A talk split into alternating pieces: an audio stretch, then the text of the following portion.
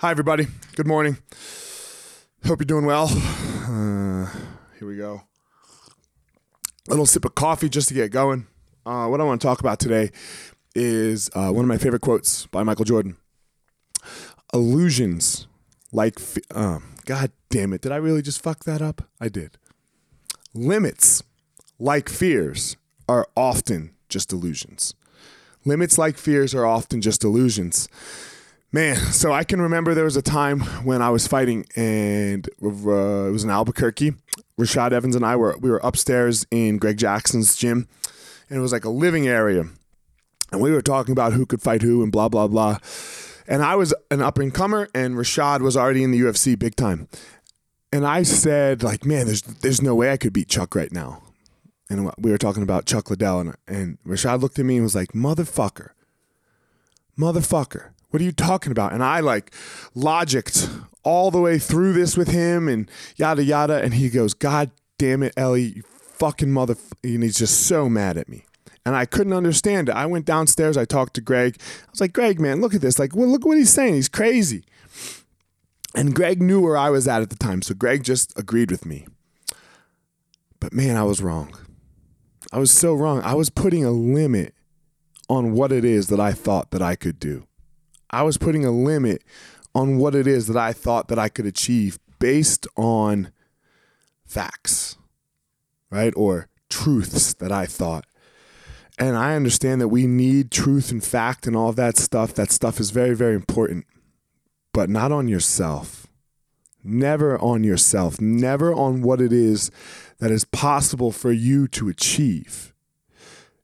You will be right if you put that limit on yourself you will be right if you let fear get in your way. You you will be right. Mean, you you will prove yourself. I, look, I proved myself correct with all of those things that I was saying to Rashad. There was nothing wrong. I proved I proved me right, and that's why and that's why I was never champion.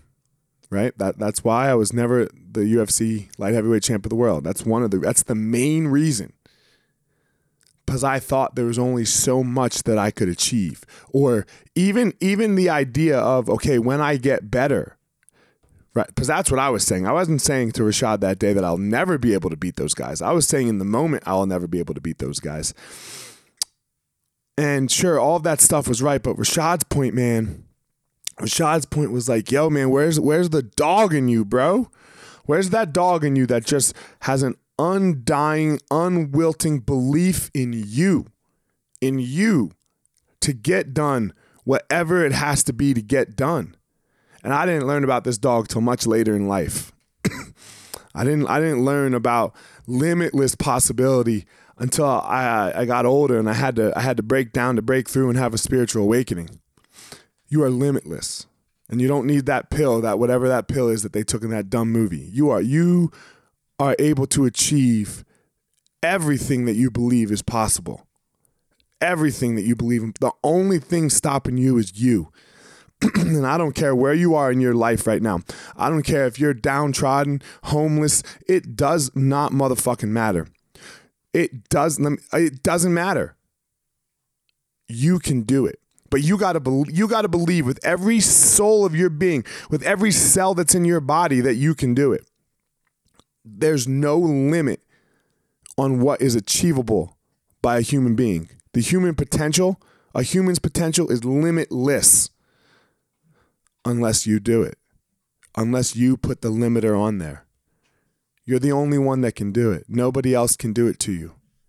And if you say, oh, well, this person, no, you're allowing that person to put a limit on you. You're allowing that person to stop you. Don't let anybody stop you. Don't let anybody put a limit on you. And most importantly, don't put a limit on yourself. You can achieve greatness every single day. Every single day, you can do it. Hope everyone's well. Find your power.